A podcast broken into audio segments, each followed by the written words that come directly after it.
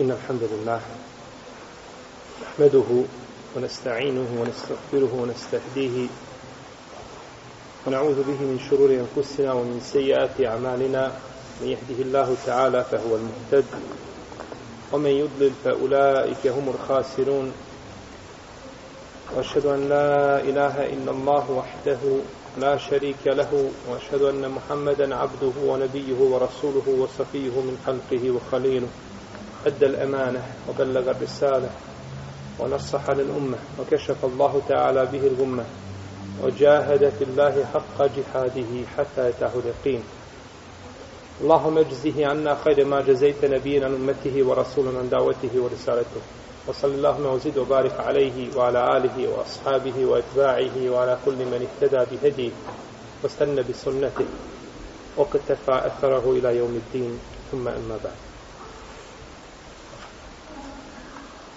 Mi smo u poglavlju imameta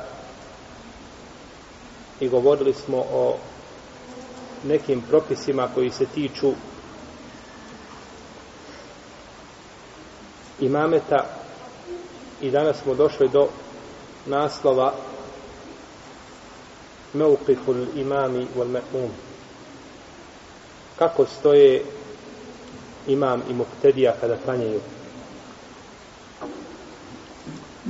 Prvo, kako stoji imam i jedan čovjek koji klanja pored njega? Kada klanja imam sa još jednim klanjačem, staće klanjač pored imama sa desne strane, u njegovoj ravnini. Znači u jednoj ravnini staju. Neće se pomjerati muktedija malo nazad kao što smatraju a neki šafijski i drugi učenjaci. Ibn Abbas, radi Allahu anhu, kaže poznatom hadisu, kada je boravio kod svoje tetke Mejmune, da je stao pored poslanika, sallallahu alaihi wasallame, sa njegove lijeve strane pa ga je postavio sa desne i došlo je u predaji kod Džabira da isto tako postupio pa ga je poslanik sa Osaleme stavio sa desne strane Reci. a kažete mogu možda pita me jedna žena koja malo je malo glasno Može. Može.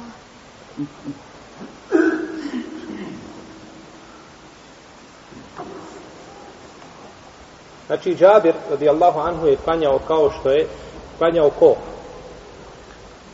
Ibn Abbas, pored poslanika, sallallahu alaihi wasallame,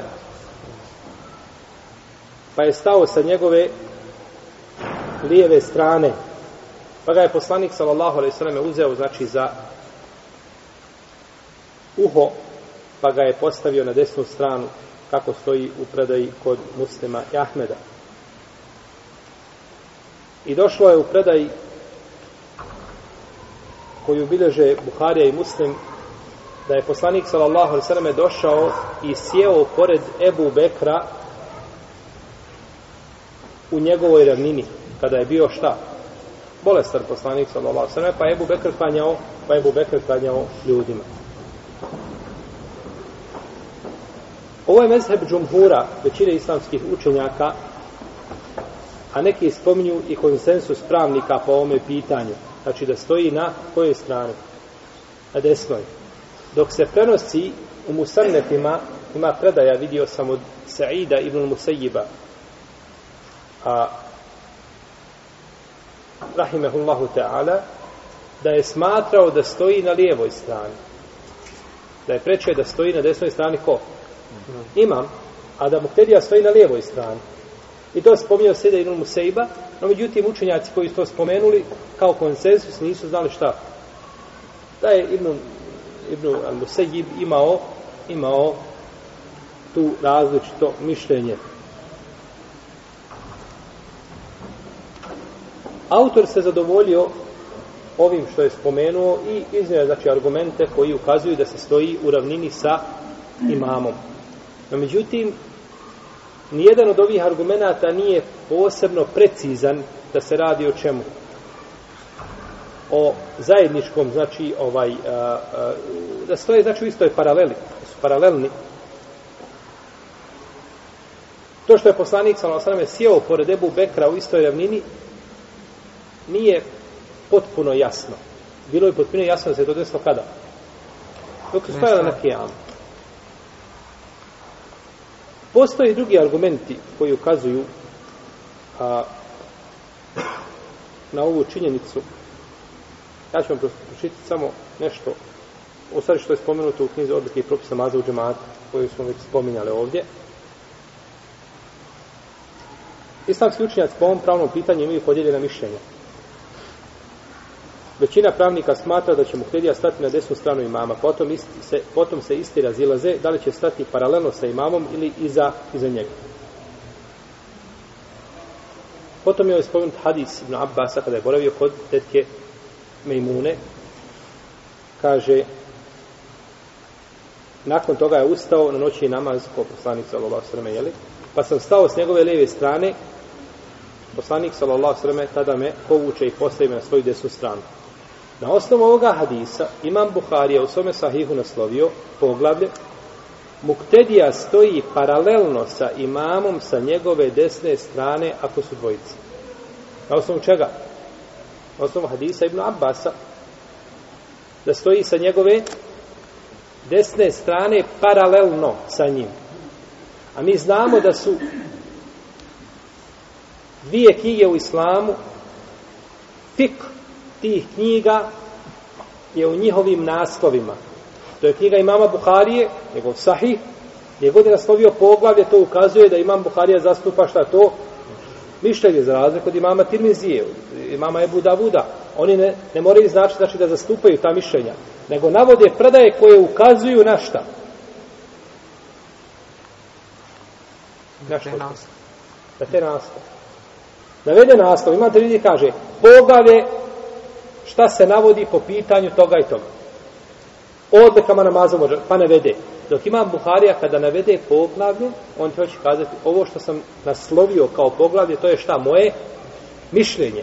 Pa mi mišljenja imama Buharije, kako ih znamo, znamo ih iz njegovih poglavlja ili eventualno ono što su prenijeli islamski učenjaci, njegovi učenici, drugi od njega do nas.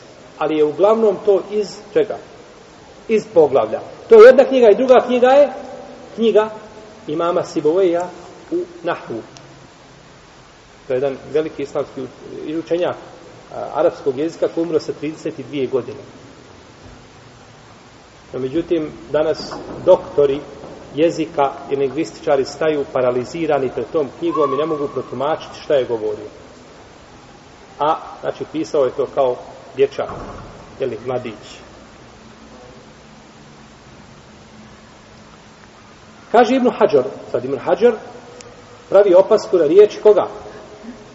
Imama Bukhari, ali Ibn Hajar ima komentar koji se zove Fethul Bari na Bukharin Sahih. Pa kaže, iz poljašnjeg značenja ovog hadisa zaključuje se da Ibn Abbas stao paralelno sa poslanikom sallallahu alaihi sallam. Jer kada kaže, pa me je uzeo za ruku, spomnio smo predaje za uh, nadlakticu, za, za rame, za, za uho, za glavu, kome je postavio sa desne strane. Gdje? Naprijed ili nazad ili paralelno? Nije spomenuto. Šta zaključujemo? Ovaj, na šta nam a, odma ukazuje ili šta nam na um pada da je, da je stao paralelno sa njim? Da nam Da nam predaj ukazuje da je stao paralelno sa njim ili ispred njega ili iza njega? Paralelno. Stavio me sa desne strane. Znači, osnova bila da je to šta? Paralelno jer nije spomenuto ni napred, ni nazad. Znači, ovo je zaključak jedan koji se može shvatiti odakle iz, iz hadisa. Prenosi se da Abdullah ibn Utbe ušao kod Omara radijallahu anhu u podnevsko vrijeme dok je klanjao dobrovni namaz. Abdullah je stao iza Omara želeći klanjati sa njim. Omer ga povuče naprijed i postavi ga paralelno sa njim sa desne strane. Čio postupak? Omerov. Ovaj postupak zabilježio je Malik i Abdurazak sa vjerodostanjim lancem prenosilaca. Poslanik s.a.v. je jednog dana, kako bilježi vam Hakim i drugi, upravo svojim prstem u Ebu Bekra i Omera kaže Iktedu bihazejni min ba'di.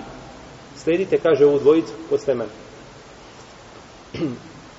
Pa kada nema za nešto jasnog dokaza, a sahavi se raziđu, preče je mišljenje Ebu Bekra i Omara od od ostalih asaba, a mišljenje Ebu Bekra je preče od, od Omerovog. Ako nema šta, ako nema dokaza nikakvog, niko nema dokaza, nego je i štihad, tada je mišljenje ovih preče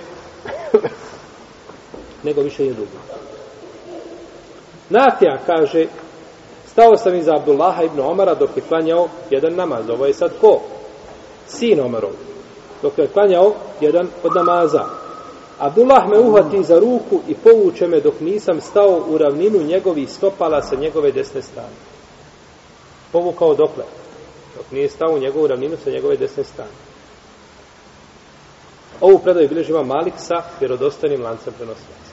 Znači postupak koga? Abdullaha ibn Omara. Imamo sad Omara, imamo Abdullaha, imamo Omara. Imamo još nekoga. Kaže mu Džurejž, radijallahu anhu, upitao sam Ata'a, Afa, pa, poznat je učenjak.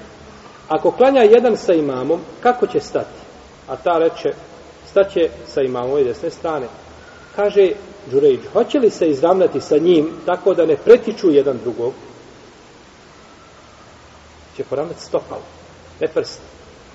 Prsti što pretiču jedni druge, to nema smetje. Nego se stopala poravnavaju i tako se poravnava Selef i tako se poravnava Sahabi, poslanika, sallam, kako je došlo u predaj od Ebn Amana Ibn Bešira kod Buharije i kod Ibn Kozejmije u drugim.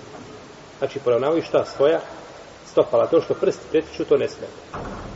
Jer sigurno da onaj ko nosi 42 obuće, 46 nisu iste šta dužina stopala, tako? Pa se tu desi razlog. Kaže, hoće li se izravljati sa njim tako da ne pretiče jedan drugoga, upita Đurejić, jel? Kaže, da. Odgovorio sam. Da. Hoće, znači, izravljati se da ne pretiču šta jedan drugoga kaže, hoće li se spojiti s njim tako da nema između njih prazine, kaže, hoće. Spojit će šta? Stop. Znači, imamo postupak Omara, imamo postupak Omara, imamo postupak Alpa, a ne znam da ima iko od Selefa da je kazao suprotno ovom. Da je rekao da se pomira, osim znači učenjaka koji izošli kasnim generacijama, koji iskazali, ipak imam je imam i treba da stoji šta? Ispred mi kaže imam je imam, a on mene najbolji imam, je tako? a Omer je najbolji imam. U svakom slučaju, ovo je pitanje oko koga spoje islamski učenjaci, znači postoji razilaženje, ali a, ukazuju postupak, postupak, postupak Selefa ukazuje da je to ovaj, bilo poznato kod ashaba i, i tabina da se staje, da se staje u jednoj ravnini. Namaz dvojice ili više njih i za imama. Ako dvojica klanjaju iza imama, staće iza njega u saf po konsensusu islamskih učenjaka od ashaba, tabina i drugi, osim Abdullaha ibn Mesauda i njegova dva učenika. Onda nema čega. Konsensus, je li tako? No, međutim, složili su se svi osim ove trojice. Abdullah ibn Mesaud i njegova dva učenika, to su El Esvedi Al Kame. To su znači njegova dva učenika.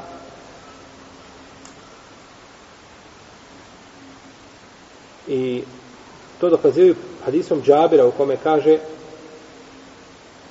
došao sam da kajam sa poslanikom sallallahu alaihi sallam pa sam stao sa njegove lijeve strane pa me je prevukao na desnu stranu pa je došao Džabar ibn Sahr pa je stao sa lijeve strane Pa je uzeo, kaže, naše ruke, pa nas je ovako gurnuo nazad od dvojicu. Onoga sa desne, ko je bio sa desne? Džabir. Sa je bio Džabar ibn Sahr, pa je od dvojicu gurnuo nazad, da klanjaju šta iza? Njega. Jer često se postavlja pitanje, ako dođu dvojica, jedan klanja s desne, drugi priđe sa lijeve, hoće li imam se pomjerati napred ili oni idu nazad? Ispravno je da njih dvojica idu nazad, zbog ove predaje. I nazad imam, ne može ići napred, jer ima šta? Ma pregradu ispred sebe, ima suprug. Ne treba klanjati, ne smije klanjati bez sutre. To nije ispravo da se klanja bez sutre, bez pregleda. Pa ne može znači pomjerati se naprijed. A i kada bi mogao da se pomjeri, neće se šta imam, pomjeri, nego je preče da se pomjeri ko?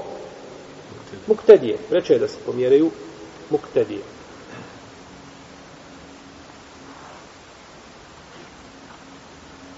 Kaže Enes ibn Malik, klanjao sam ja i jedan jetim, jedno siroče, iza poslanika, sallallahu alaihi wa sallam, u safu, a iza nas je klanjala Umu Sulejm.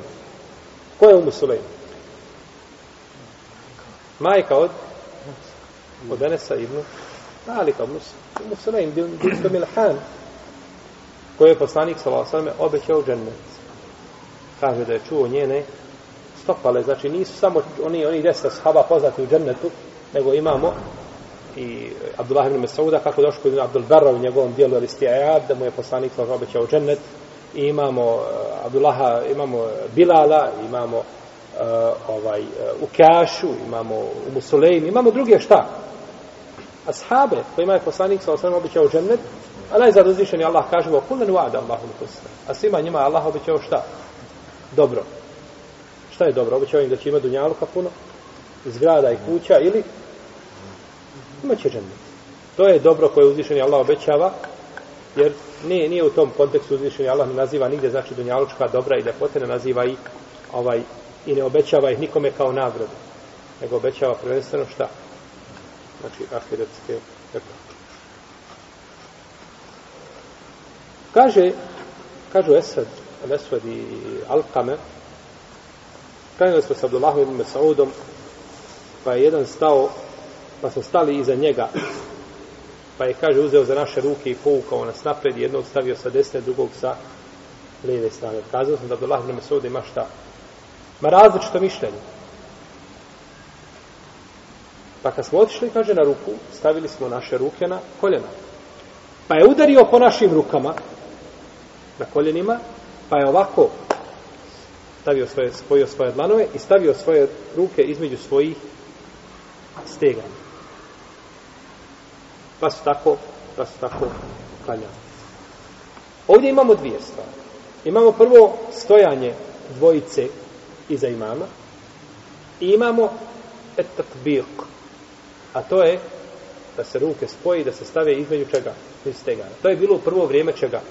Islama, pa je dokinut taj propis. U znači, prvo vrijeme Islama ljudi nisu stojali, nisu ovako držali na ruku, nego bi spojili danove i spojili noge i stavili ruke između stegana i tako bi bilo. Pa je taj propis dokinu, jer je došlo u predaje kod Ibrhu za ime i kod drugih da je poslanik sa osvrame držao, držao bi svoje e, ove, e, koljena rukama i raširio bi prst. I to je ispravno da se ovako drže koljena, na ovakav način. Da. Ne ovako sa strane da se uhvati, nego stavio bi poslanik sa osvrame i raširio svoje prste i ovako bi uhvatio koljena. I tako se drže koljena na ruku, suprotno onima koji rade ovako sa strane uhvata, to je pogrešno. Znači, pa je dokinut ovaj propis koji se zove etat bi ali Abdullah ibn Mesud nije šta? Nije znao. I umet se složio nakon toga da ovaj propis šta ne? Praktikuje. No, međutim, Abdullah ibn Mesud nije znao. Pa znači, moglo je biti ashabu šta? Skriveno, naročito Abdullah ibn Mas'udu koji je bio znači alim od ashaba pa je po većini učenjaka ovaj propis dokinut i ne praktikuje se i znači kroz generacije ukazuje se znači da je znamo da je sunnet da se na ruku šire ruke u strane, ili tako sve se to ne može praktikovati na ovaj način kako se praktikuje znači kada bi bio etatbir. I tada je čovjeku, to je otežano mu je tako, kada je boravio dugo na ruku, to je otežano. Jer nema šta. Nema oslonca. Tako da je ispravno znači da ono što se što je poznato danas znači kod muslimana, svi to tako praktikuju da se ruke drže šta na na koljenima, da se uhvate znači koljena sa planovima.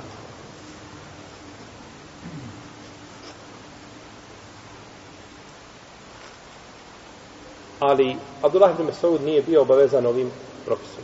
Je li bio obavezan Abdullah ibn Mesaud da drži ruke na koljenima? Nije. Zbog čega? To što nije znao. A to što do njega nije došao dokaz o dokidanju. Jer čovjek je dužan da radi o dokazu o dokidanju, tek kada šta do njega dođe? Propis. Kada dođe do njega propis, on je dužan da radi. Nije došao, preselio tako, nije mogao doći do propisa, znači takav nije bio ni obavezan da radi šta. Jer oni ashabi kada su panjali u mjeseči do Kuba i kada je došao čovjek na sabahu, on je okrenut prema Šamu. A već poslanik, sasvim prije toga, klanjao ikindiju prema cijeli namaz ikindije, klanjao prema Meki. Pa je došao ujutro, pa im je rekao, pa su se u namazu šta? Okrenuli prema Znači, taj dio namaza što su klanjali prema pogrešnoj kibli, bio bi šta?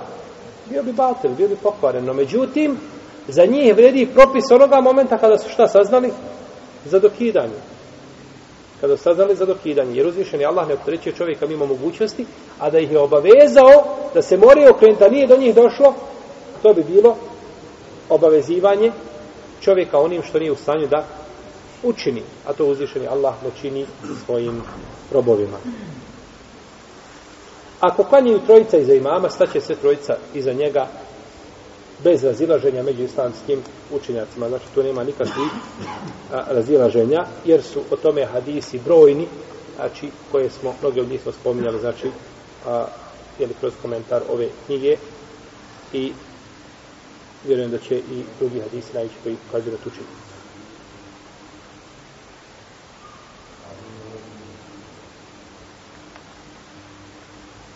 Nije dozvoljeno čovjeku da stoji ispred imama. Znači da stane ispred imama i u kom slučaju jer dužan je da slijedi imama i kod džumhura u Leme, kada bi čovjek stao ispred imama, bio bi on pokvaren namaz. Neka u Lema kaže, dozvoljeno je ako je tijesno mjesto. Ako ne može, znači nazad da je tako stavljeno mjesto, nezgodno, onda kažu neće smetiti da bude ispred imama. To je opet sa uzrom i razlogom dok u znači, normalnim okolnostima to se ne bi smjelo dešavati. Namaz čovjeka koji a, uđe u džamiju a imam kanja a nema pored, a nema pored a, njega a, znači nema mjesta u safu, a pored njega ima mjesto. Takav može proći ovim ili onim putem do imama i da stane sa njegove desne strane. A ako nema mogućnosti, onda može stati, jer je poslanik sa osvijem prišao do Ebu Bekra i sjeo pored njega u njegovu ravninu. A ako nema te mogućnosti, onda će, onda će stati sam iza, stati sam iza poslanika.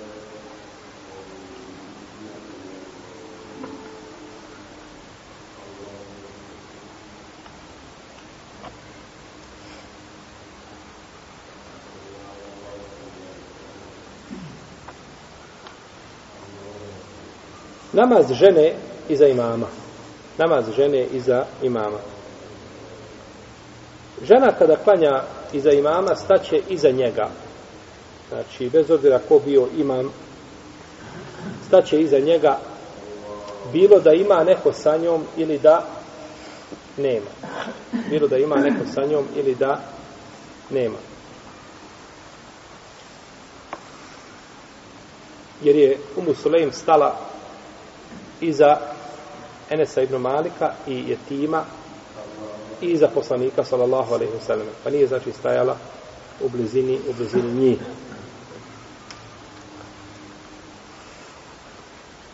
I kaže Umu Sulejm žene bi, čekao bi poslanik sa osreme nakon selama kratko da žene iziđu iz džamije. To znači da su žene bile gdje?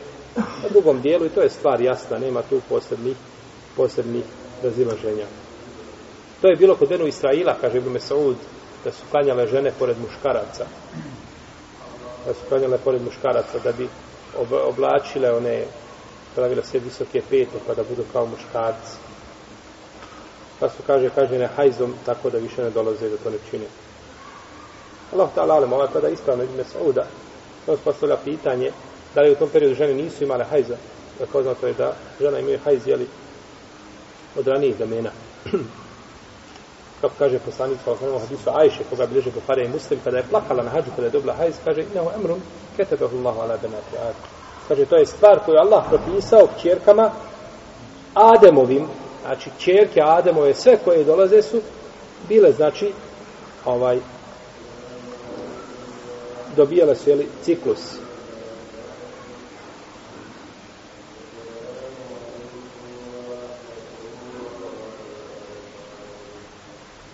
ako klanjaju za imamom čovjek i žena, tada će čovjek stati sa desne strane, a žena staje iza, a žena staje iza, iza njih.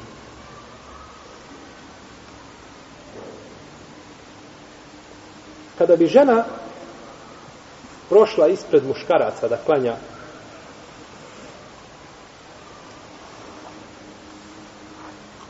ili nekog jednog dijela muškaraca. Njen namaz bio ispravan kod džumhura u Leme.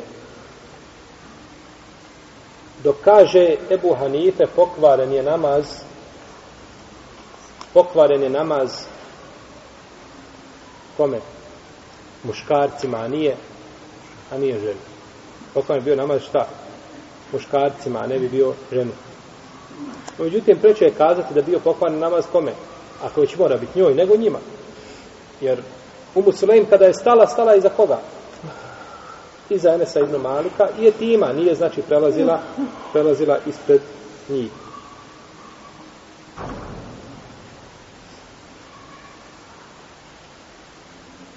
Žena kada klanja ženama, govorili smo u prethodnim znači, predavanjima da će stati u sredinu sapa i neće prelaziti ispred žena, zato što je to skrivenije za, za nju da stoji znači, u sapu, nego da izlazi naprijed No, međutim, kada bi izišla na pet, bilo je namaz bio pokvaren.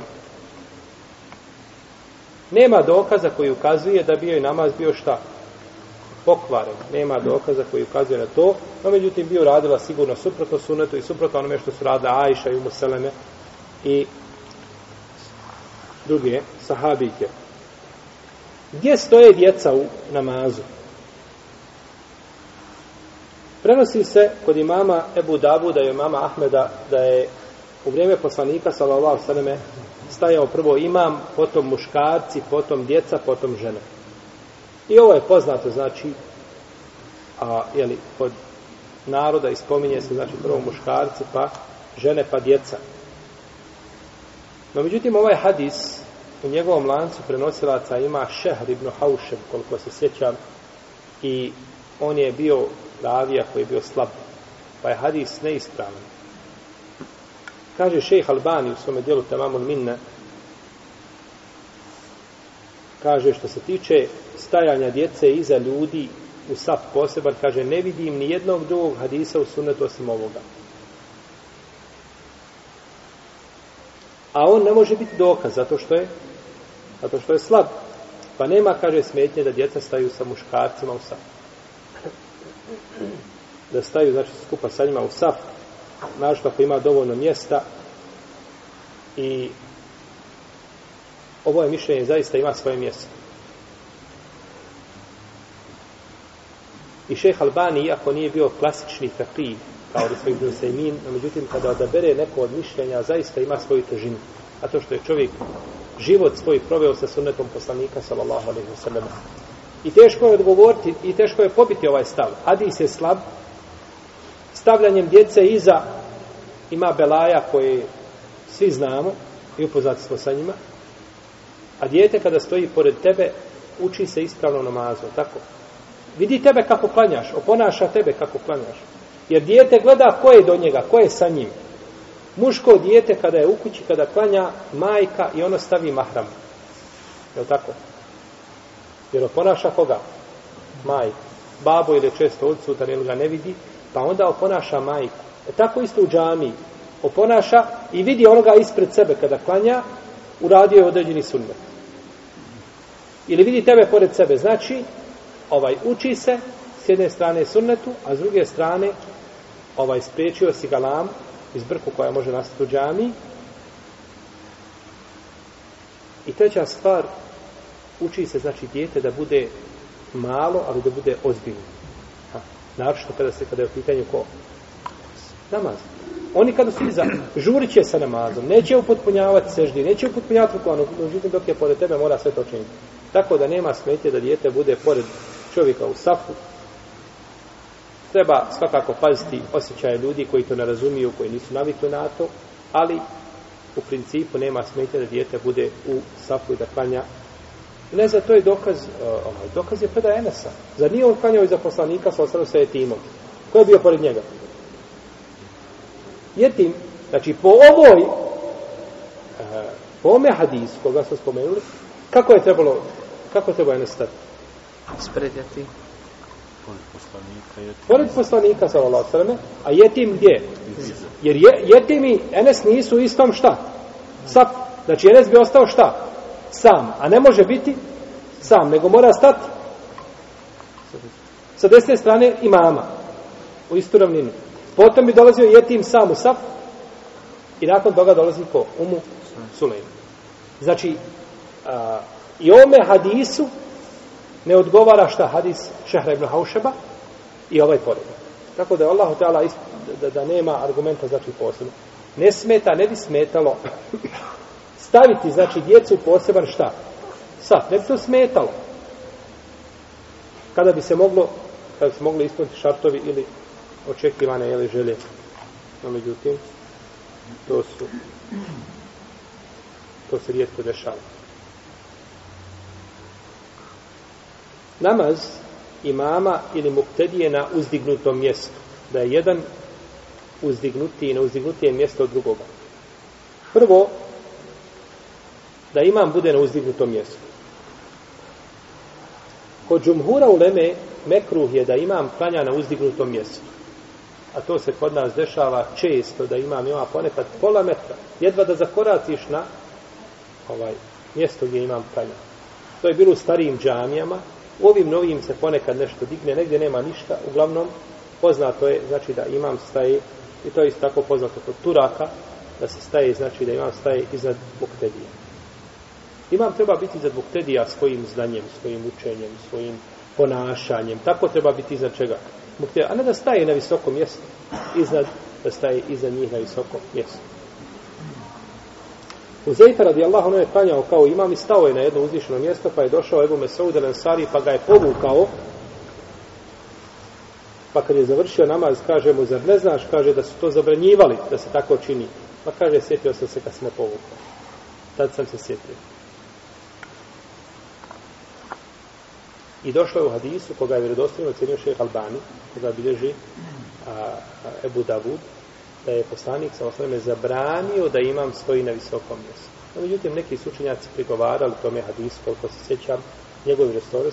Šeh Albani ga je prihvatio, ispomnio ga u svom djelu sahil džamija, ispomnio ga u svom djelu tako, Ethemeru Mustafab, i u drugim dijelima gdje ga je ocenio negdje dobrim, a negdje vjerodostojnim.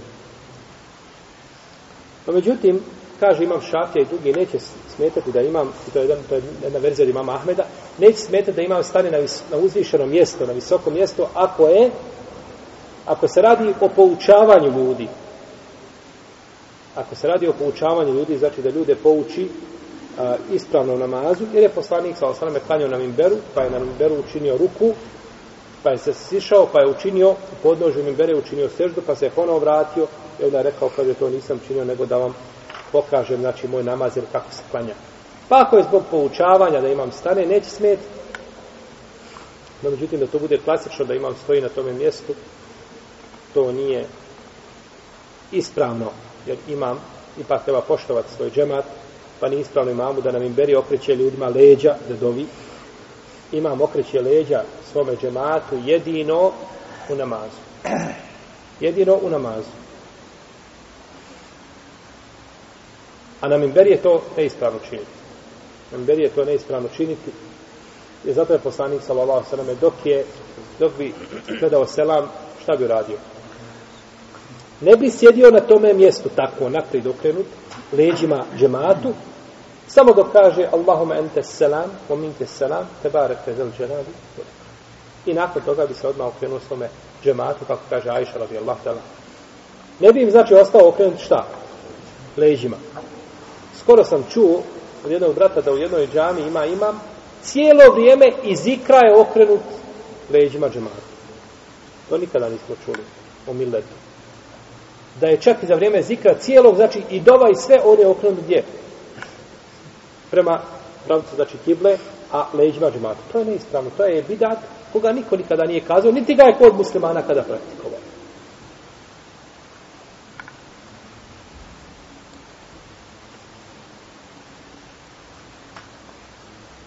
Dakle, ako postoji potreba radi poučavanja, dozvoljeno je čovjeku da stane na uzvišeno mjesto. Ili, na primjer, da popuni se gornji sprat cijeli i ljudi odu da kanjuju na donjem spratu. Jer tada imam i za njih. Je na uzvišeno mjesto. Jeste. Tada je dozvoljeno da to radi potrebe. Znači, to je očita potreba. Drugo, da bude muktedija iznad imama. tu nema dokaza koji brani. Ha? Nema dokaza koji brani da muhtedija bude iza, iza, iza imama, našto ako ima potreba, kao da se recimo napuni ovaj sprat, pa odu muškarci da klanjaju gdje? Gore. Pa se ono da izad, izad imama.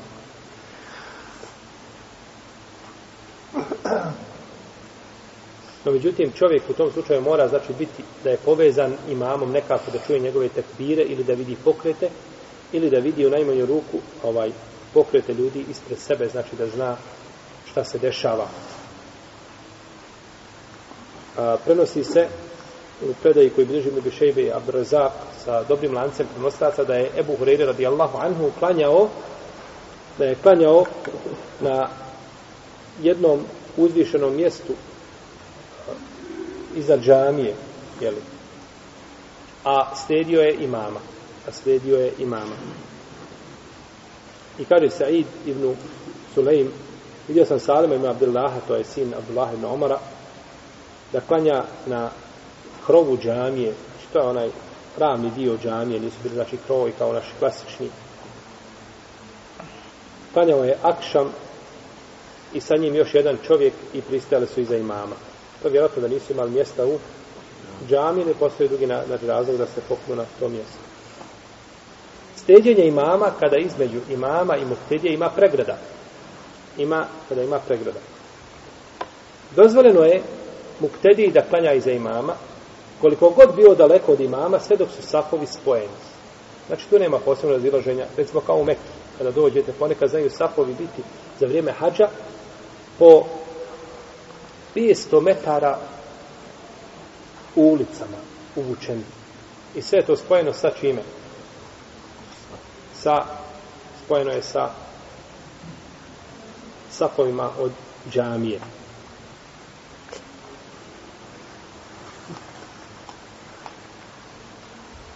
Pa je dozvoljeno da se klanja tada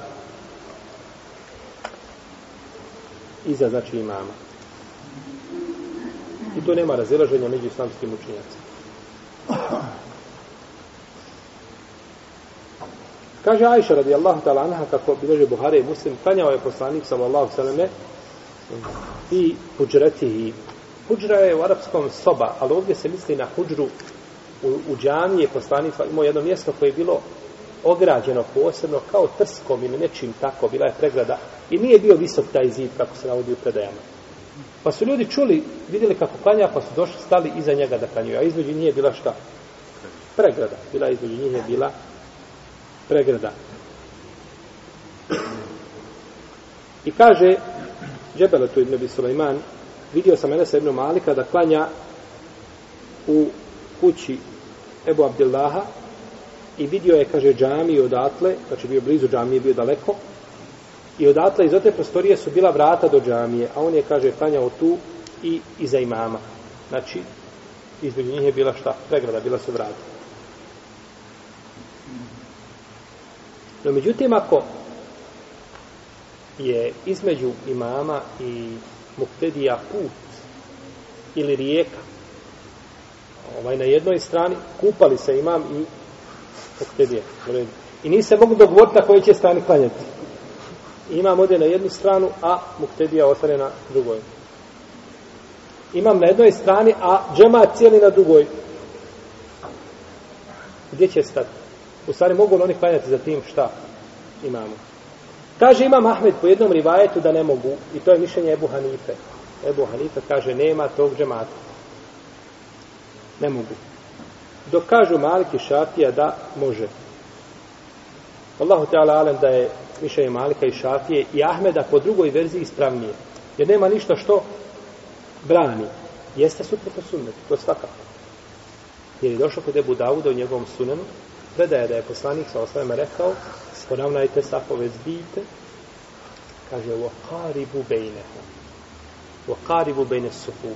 Zbijte sapove i približite ih. Pa nije ispravno praviti veliki razmak između sapova, osim kada bi safove presjecali stubovi. Pa da se izdignu stubovi, to je drugo. Ali tada treba stati između stubova. Ne sa strana, nego između dva stuba. Sa strana ostaje prazno i opet dolazi šta naredni saf. Ali ne treba da bude veliki razmak među safovima. Šta ovdje ima, koliko imam udaljen od, od, od džemata, znači puno. Kaže Hasan al-Basri, kako bilježi Buhari u svome sahihu, nema smetnje da klanja imam na jednoj strani, a džemat na drugoj strani rijeke. Ovo je svakako pod uslovom da čuje imama, da vidi njegove pokrete, čuje tekbire, da vidi njegove znači pokrete i da postoji nekakav razlog, jer je poslanik sallallahu sallam rekao u hadisu koga bliži ima muslim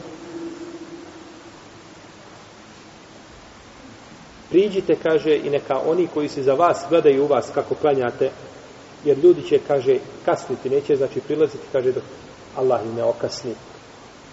Pa je, znači, neispravno da se pravi ta velika, taj veliki razlog bez potrebe. I kaže Ebu Muđliz, kako spominjam Buharija u svome sahihu, ne smeta, kaže, da klanja iza imama ako je između njih put ili zid i slično tome. Jer to danas imamo često. To danas imamo često. Znači ovdje u džami, petkom, možda ljudi ima napolju da klanjaju ili kada je bajram i slično tome, da ljudi klanjaju znači iza, iza zida. Ali ovo je sve znači kada postoji potreba u protivnom je znači osnovno da safovi budu približeni da se napravi taj, taj razlog. I nije dozvoljeno pristati iza imama kada bi se njegov glas prenosio putem radija. Imam klanja u gdje? U televiziji, u radiju, nije bitno gdje. I prenosi se preko zvučnika. U arapskom svijetu danas u nekim zemljama ima, znači, zove se ovaj a, el ezanul muwahad A to je znači jednoobrazni ezan, jedan ga čovjek uči iz radija, u svakoj džami ima radio koji ga prenosi i čuje se. Znači u jednom momentu počne, u jednom momentu završava. To je jedan ezan. I to je musibet za sebe. Jer si zabranio mu jezinima da budu šta? Mu jezini. Zabranio si im nagradu koju trebaju da imaju s jedne strane. S druge strane, ako pogriješi taj, griješi se na svim džamijama. Treća stvar, bojimo se da jednog dana ne bude hatib Tako. Dođeš u džami, mimber prazan, ali tebi neko priča. I ti ga slušaš. I onda nakon toga prouči se i kamet, ali opet nema imama. Ti klanjaš, a nema koga. Nema hođe. Nego ti klanja tamo iz radija. I toga se bojete. Tako da je neispravno, znači, a da ne govorimo o ezanu na onaj, isto na rad, na onaj CD, kasete, i to je isto. Nikakve razlike nema. Nema nego treba znači da se uči ezan, da se uči, a ne da se pusta sa CD-a, jer za ezan treba nije. Pa je takav ezan batil, neispravan.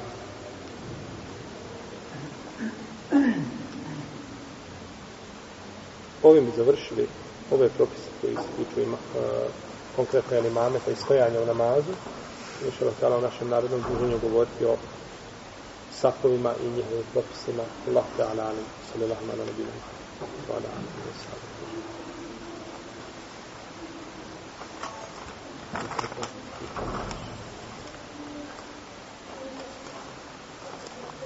Assalamu alaikum. Da li će žena, da li će i žene kada klanjaju džematu postupati na isti način kao i muškarci i da li žena, žene trebaju učiti kamer? Mi smo govorili o namazu, ovaj, o propisu namaza žene u džematu. Opširno. Znači, kako klanjaju i da na isti način klanjaju kao muškarci, da nema posebne razlike. A to da li žene uče i kamet, tu postoji raziloženje među lemom veliko. Kod džumhura u leme, žena ne uči njeza ni i kamet. A međutim, spominjali smo predaj ok seđate od, od Ibn Omara, kada je pitan da li da žena uči ezan i kamet, kaže da, zar da zabranjujem zikr Allahov. Pa učenje i kameta i ezana ženama nije obavezno bez razilaženja, to nije obavezno. A da li može učiti, može učiti. Ako želi da prouči, ne smet. Neće smet da prouči, da je nečiju muškarci, da prouči i kamet, a ovaj ili ezan prije toga neće inshallah tela smetati navode se kada je kod ibnu hazma od Ajše radijallahu ta'ala anha da je ona učila ezan no međutim sve ste predaje slabe i bajivi Došao je hadis ili predaja od a, a, da žene ne uče nijezan i kamet, no međutim u tome rivajetu koliko se sjećam da ima a, Abdullah ibn Omar Lomeri i, ili, ili tako se nekako zove koji je daji pa predaja nije ispravna. Tako da žena može učiti ezan i kamet, ali nije obavezna. Ako ga propusti, znači neće, neće biti griješna, dok je kod muškaraca propis drugačiju, oni to moraju.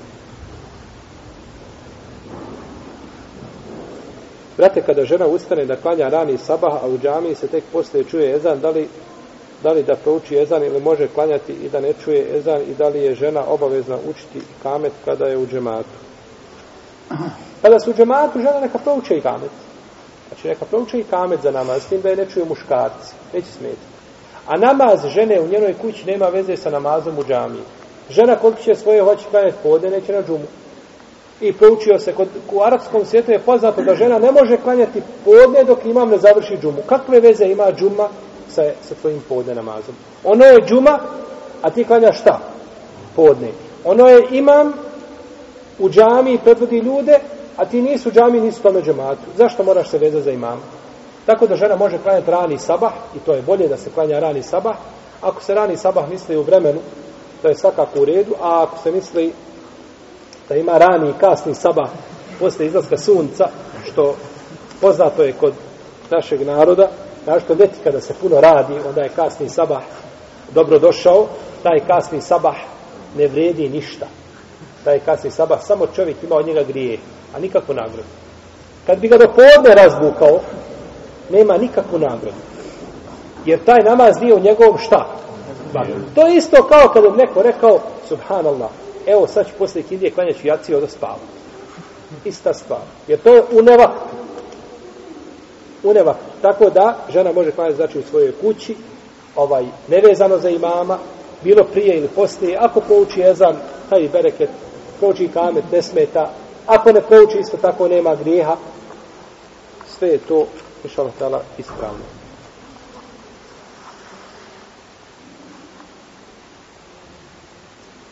Ali, ali, brate, mislite samo kada je, kada je samo ženski džemat u pitanju.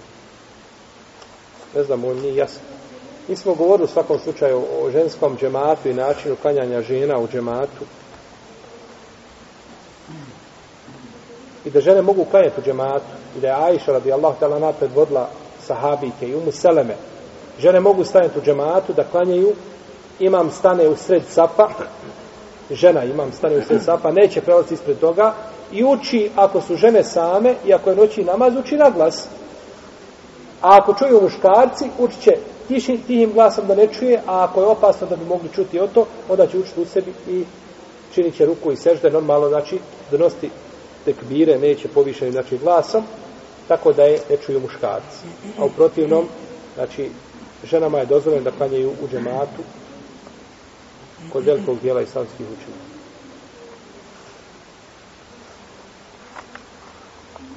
Zaborio sam zadnji put pokazati jedan vaš brat. Ovdje, ne znam, jer učeras među nama ne vidim. Je jedno predavanje kompletno prekucao. Znači ovako imate prekucano predavanje na ne znam koliko, 5-6 stranica, 5-6 stranica, i ima ovdje CD napravio.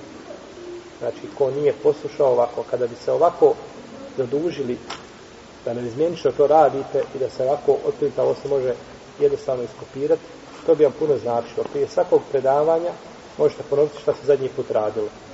I onda je lahko čitati. Slušanje možda ponekad nemaš vremena, ovako poneseš u tramvaj. Gdje god da staneš minutu, čekaš, odmah otvoriš, dođeš kod doktora. Čudim se čovjeku, dođe kod doktora, negdje sjedi i nogu preko noge i gleda uzim. Po tri sa, a kod nas je mašala, jeli, kad dođeš ujutru, hoćeš da završiš do četiri, nećeš. A obično se kaže, gospodine, molim vas, dođite sutra. Ili pravi novi termin. U svakom slučaju, ti sjediš tu dva, tri sahata. Šta radiš? Uzmi nešto, čitaj. Ovako, kad imaš par listova, kada staviš u sebe, tri, četiri puta da počitaš, znači tu ćeš lekciju zapamtiti. Ili osnovne sebi stvari podvučeš, ovaj, obojiš i imaš, znači, materijal uvijek spreman.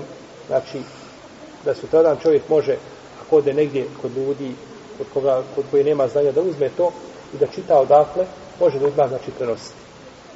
I puno znači ovaj, a, jer poslanik sa osam kaže u jednom hadisu, koga je bližio ima Abdul Berri, kaže šeha Albani da je vjerodostojan, hajidu na ilme bil kitabe, kaže ograničavajte ili da vam vako prevedem, vežite svoje znanje pisanjem. Ako ga ne sveže, šta? Oda. Vi ste čuli i razumijeli večerašnje predavanje. Imate ga večeras imat ćete ga u sutra u nešto bljeđoj formi. I preko sutra, ali još u bljeđoj. Naredne sedmice možda neko neće sjetiti opće o čemu smo pričali. A da ne govorimo nakon tri mjeseca. I kakva korista toga znanja? Sjelio si, slušao si i došlo do tebe znanje i sutradan nećeš raditi šta po njemu. Pa je to dokaza protiv tebe. A ako ostaneš kod kuće još gore. Tako. Neš da dođeš još gore, neš da se poučavaš.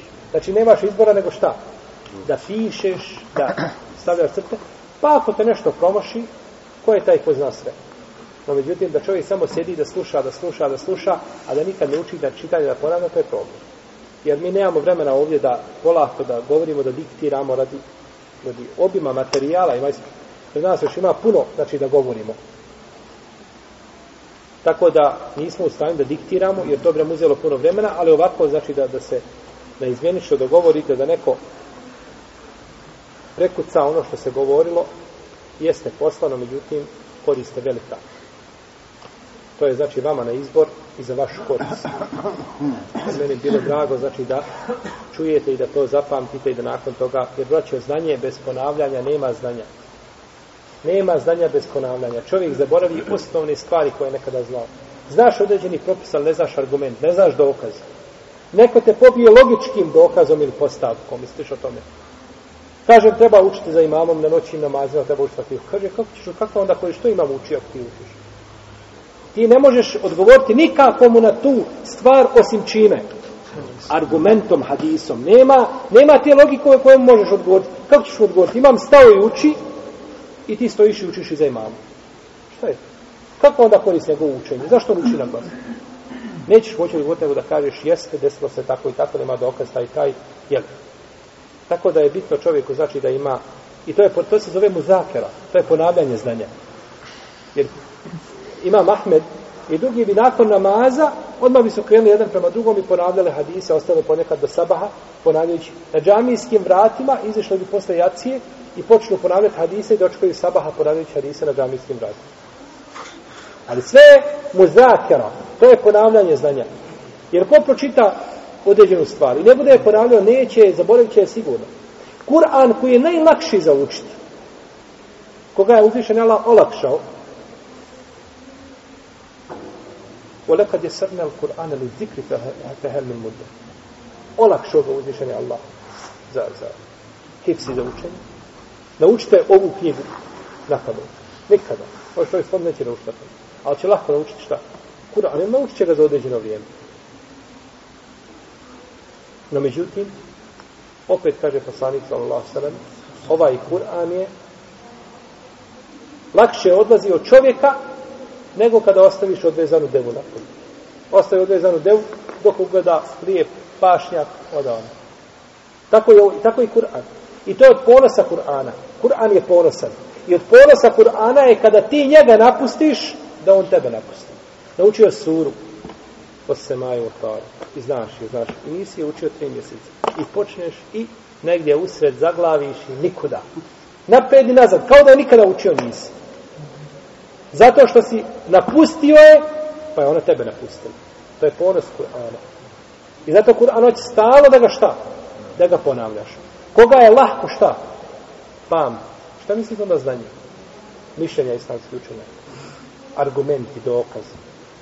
To uvijek hoće znači stalno da čovjek, da čovjek ponavlja, da čovjek ponavlja, da bude u kontaktu s otim i tako će koristimo za njim. Protivnom, kada bi mogli samo da čujemo, da je čovjek mogao zapaviti sve što je čuo, pa bio bi kakvi kompjuter.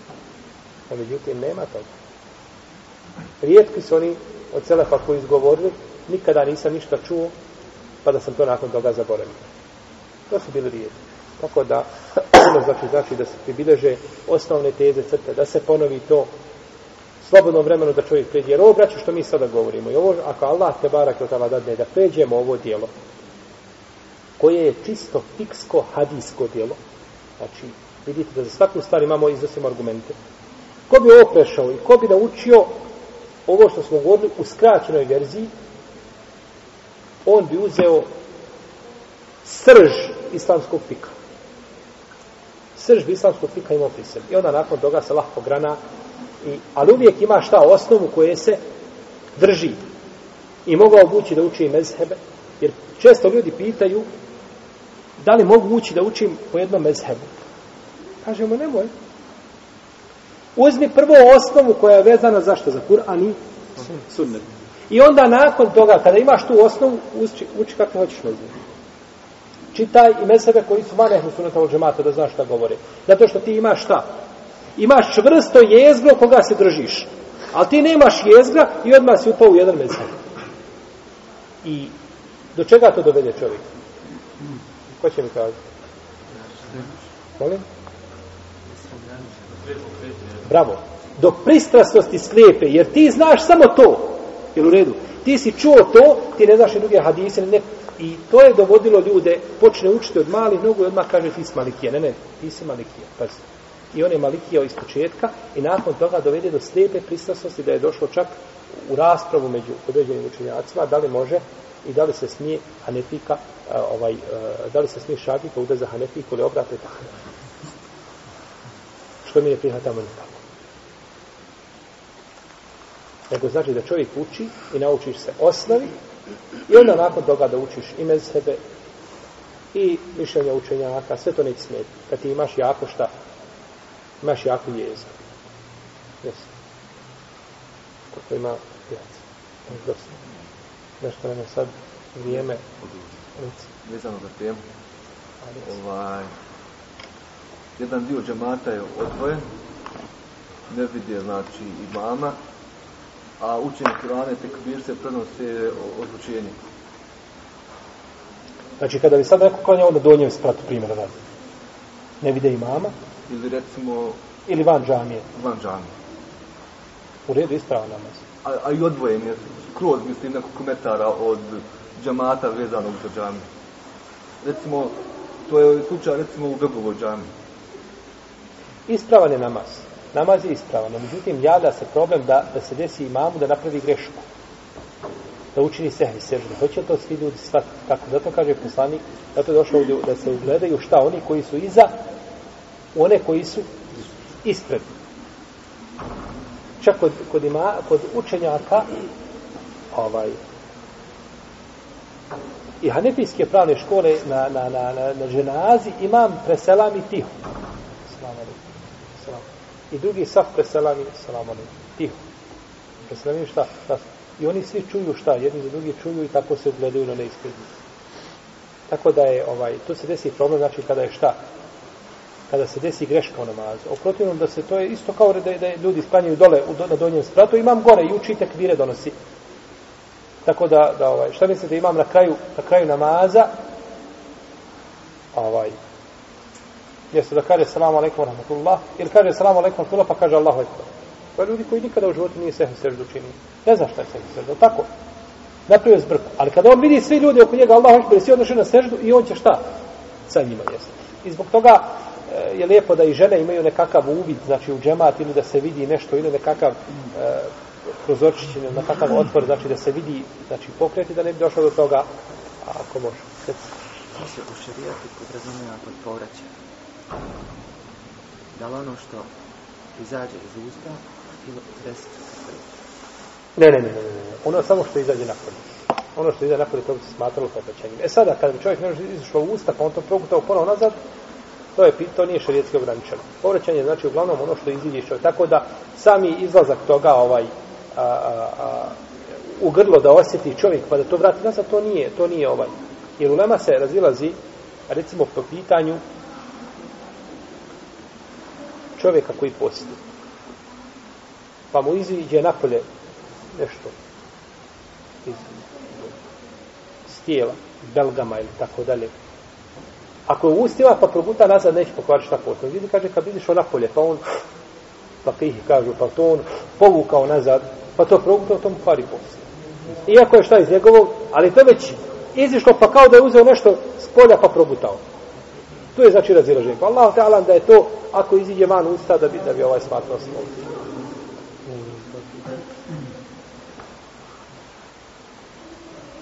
Prvo pitanje, znači, imam tamo ovoj džami gdje mi panjamo jedan djet.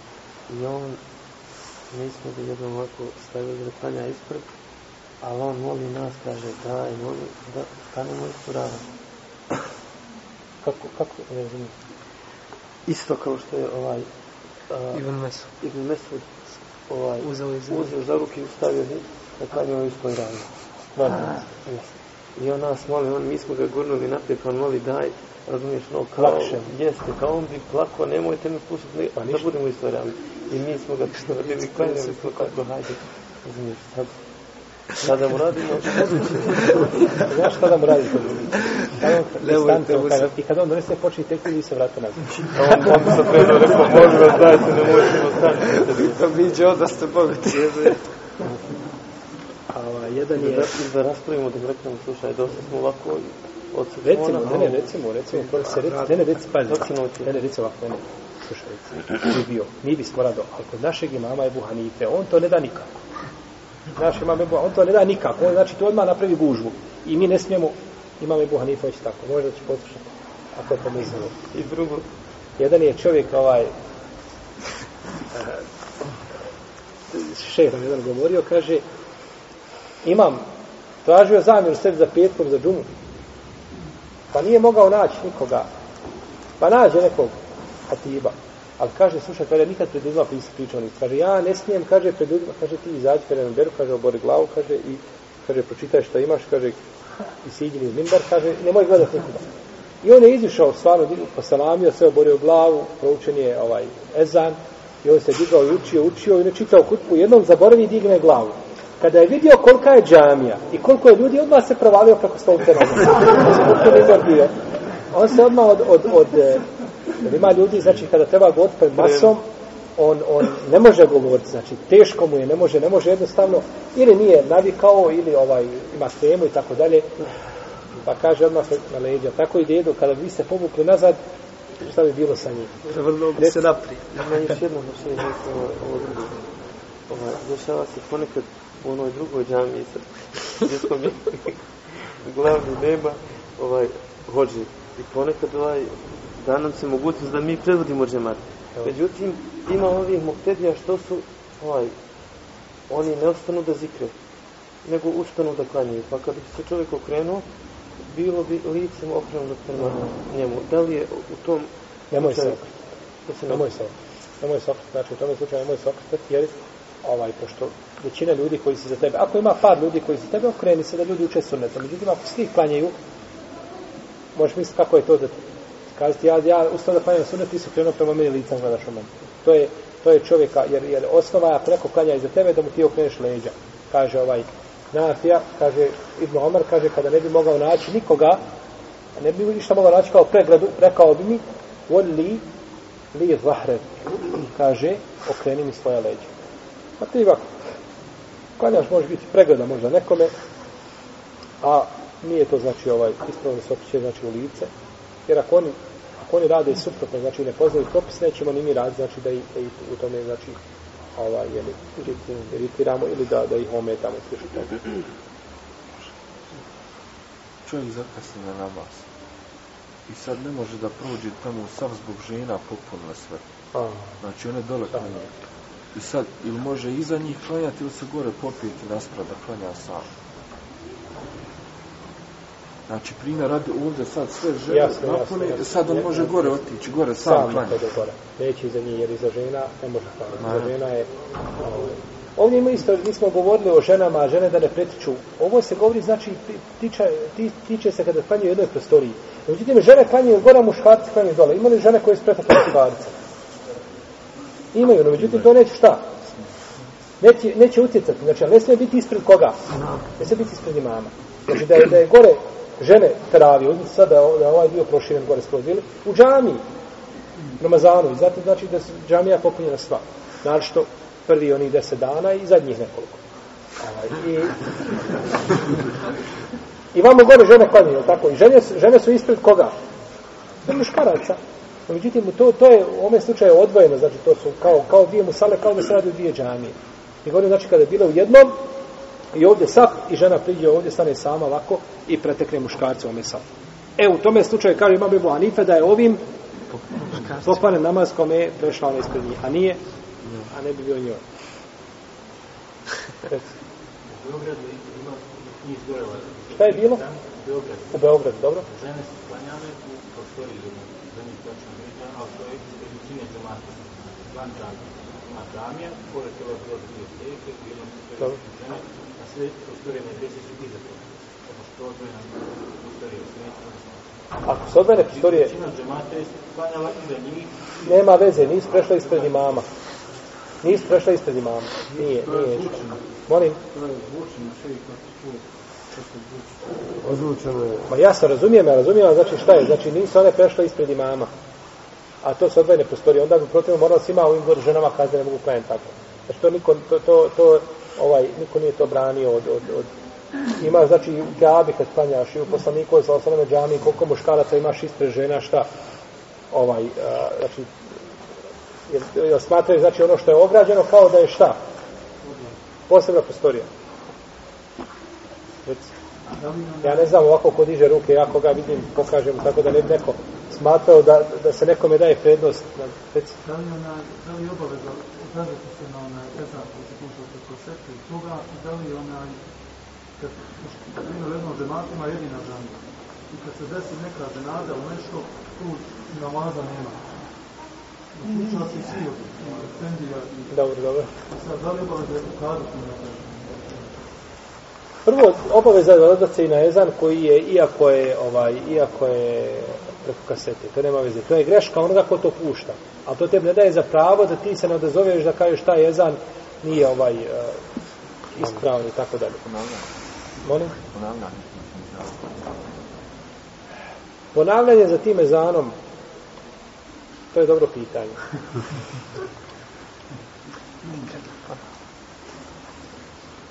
Ponavljanje. Ma ne veze ti ne zanima. I šeba tako da nagradu svoju, a greška pada na onoga ko je to činio, a ne na onoga ko je ponavljao. A što se tiče ovaj imama i to dženaza kada ima, to je pogrešno. Neće ljudi svi na dženazu. Dženaza nije farz koji je a, znači, obaveza svakom pojedincu pa ljudi dolaze u džamiju da klanjaju. Pa treba uvijek ostaviti džami otvoreno ili ostaviti mu jezina, da se prouči jezan u najmanju ruku i tako dalje, a ne ostaviti džamiju, znači bez bez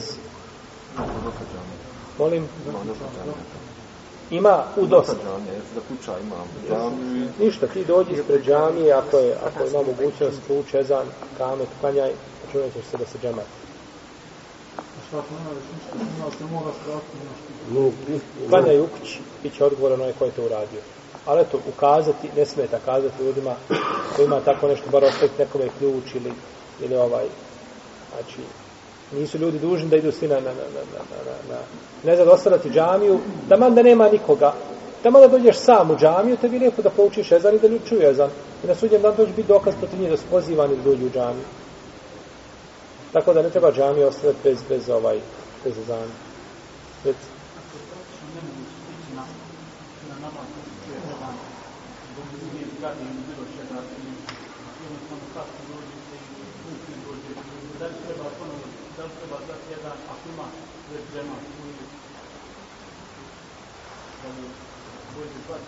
Ne čuješ ezan od visina zgrade? Ne, ne, ako si na visoko na zgrade, ne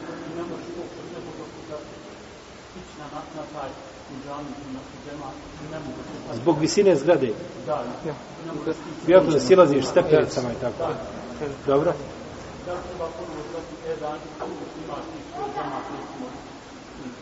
Ne, ne, ne, ti ćeš prije za nas ići. Kako je nemoguće? Prije je zana. Nemoj čak te zana. Siđeš... Kre u redu. Ako si imao prepreku, nisi stigao u redu i hoćeš da klanjaš kući, proučiš novi jezan i novi kamet. Vi ste džemat novi. Znači, taj je onaj jezan. Taj jezan bi vredio eventualno za ljude koji bi došli nakon namaza u džamiju.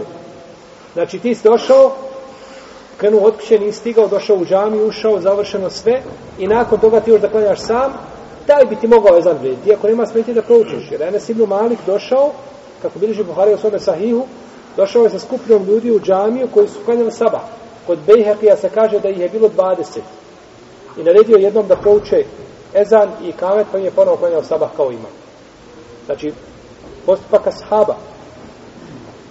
No, međutim, ako čovjek ne bi to pozdravio, gdje Uleme kaže, ako ne bi proučio taj Ezan, šta vredio? Ali u toj džamiji, vredi za tu džamiju, a ako se na drugom mjestu klanja, onda bi mu protivnom bilo dovoljna jedna, jedan Ezan u Begovoj džamiji, u Carevoj za cijelo štafu.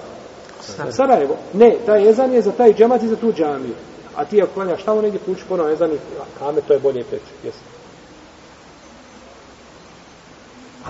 Postoje neka pravila za klanjanje u džamatu, ali kad je u nedostatku prostora?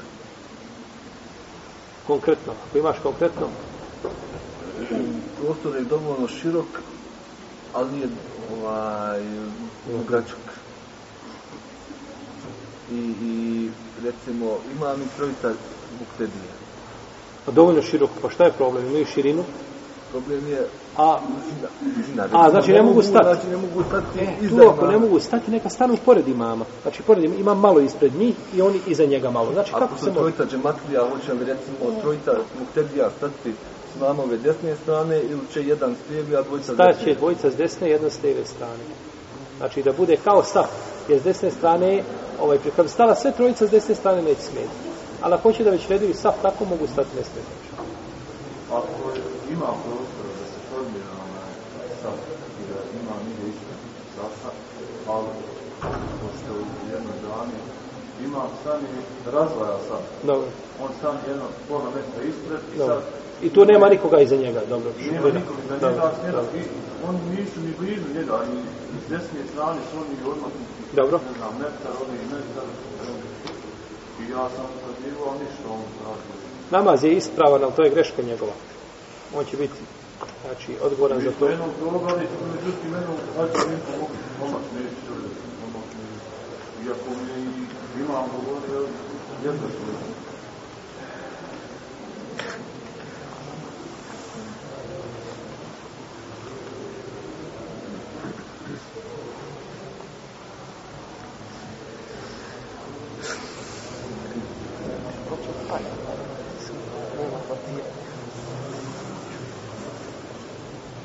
brate, kanjala sam u jednoj džami, podne namaz i poslije namaza, čula sam tog imama kako govori da nije kanjao u toj džami za prvi maj našao je zamjenu za taj dan, a on je otišao negdje pored Neretve. Da li ispravo da kanja za takvim imamom?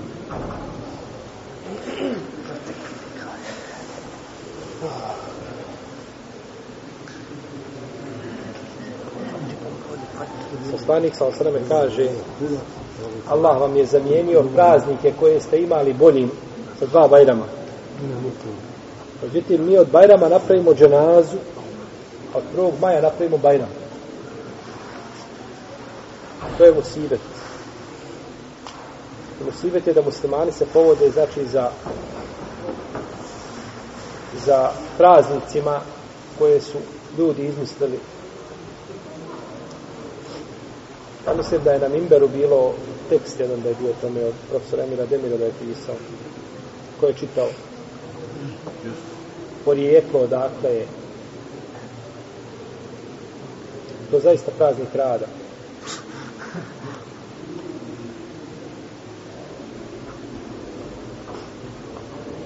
ne znam da li je da li je spomenuto tamo da je to da je to ovaj vjerski praznik i obilježje. Molim kršćanski. To ne, nema vidje što je kršćanski, da li je vjerski. Jer kršćani mogu napraviti praznik njihov nekakav, praznik rada, praznik ovoga, praznik onoga, dan žena, to sve nisu šta. To nisu, to nisu vjerski praznici, to je bitno. Jer razlika je vjerka, velika je vjerskog praznika i nekog, to je njihovo sljeđenje koje je zabranjeno. Ima, imate sljeđenje koje čovjeka može odvesti da ga izvede van okvira islama, imate sljeđenje koje ga odvede u novotariju da bude čovjek novota, da bude griješnik što ih sledi, ali da to nije izvora var oblika okvira islama. Tako da meni koliko je poznato da je to, da je to znači da su od njih je došao da je praznik rada, znači nije vjersko ništa, nije vjersko obilje. Tako da to se razlikuje od vjerske obilje. Ali eto ovaj, sada se još nismo slobodili titinih kolonija. Nažalost. Reci vezano za temu, ali brate, pomenuo povraćanje. Dobro. Povraćanje u svrhu liječenja i e, u svrhu izgodnjena sihira i tako nešto. Dobro. Kaka je tu uloga povraćanja?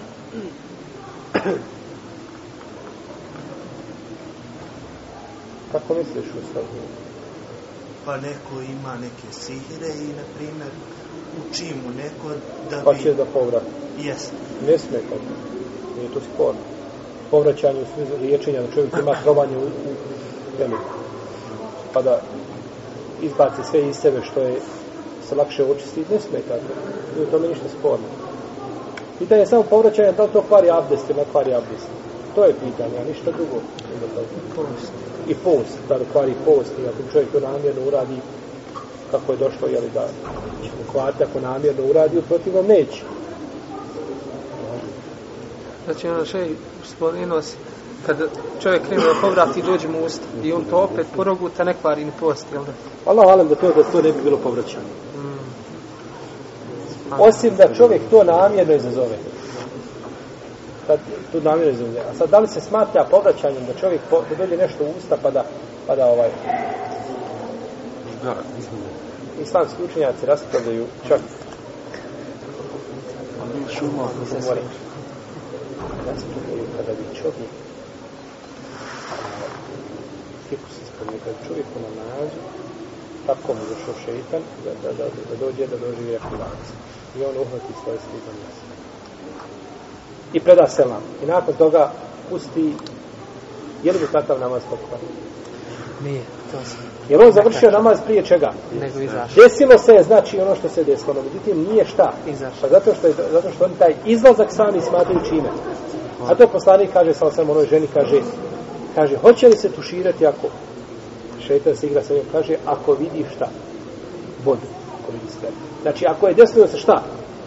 izlaze. Nema sumnje da znači pri samom spavanju i sanjam da se desilo uzbuđivanje, ali tako? Međutim, nije se desilo šta? Izlaze. Taj, znači, to je ta nekakva granica koja bi mogla biti. Jeli? To je su malo bakta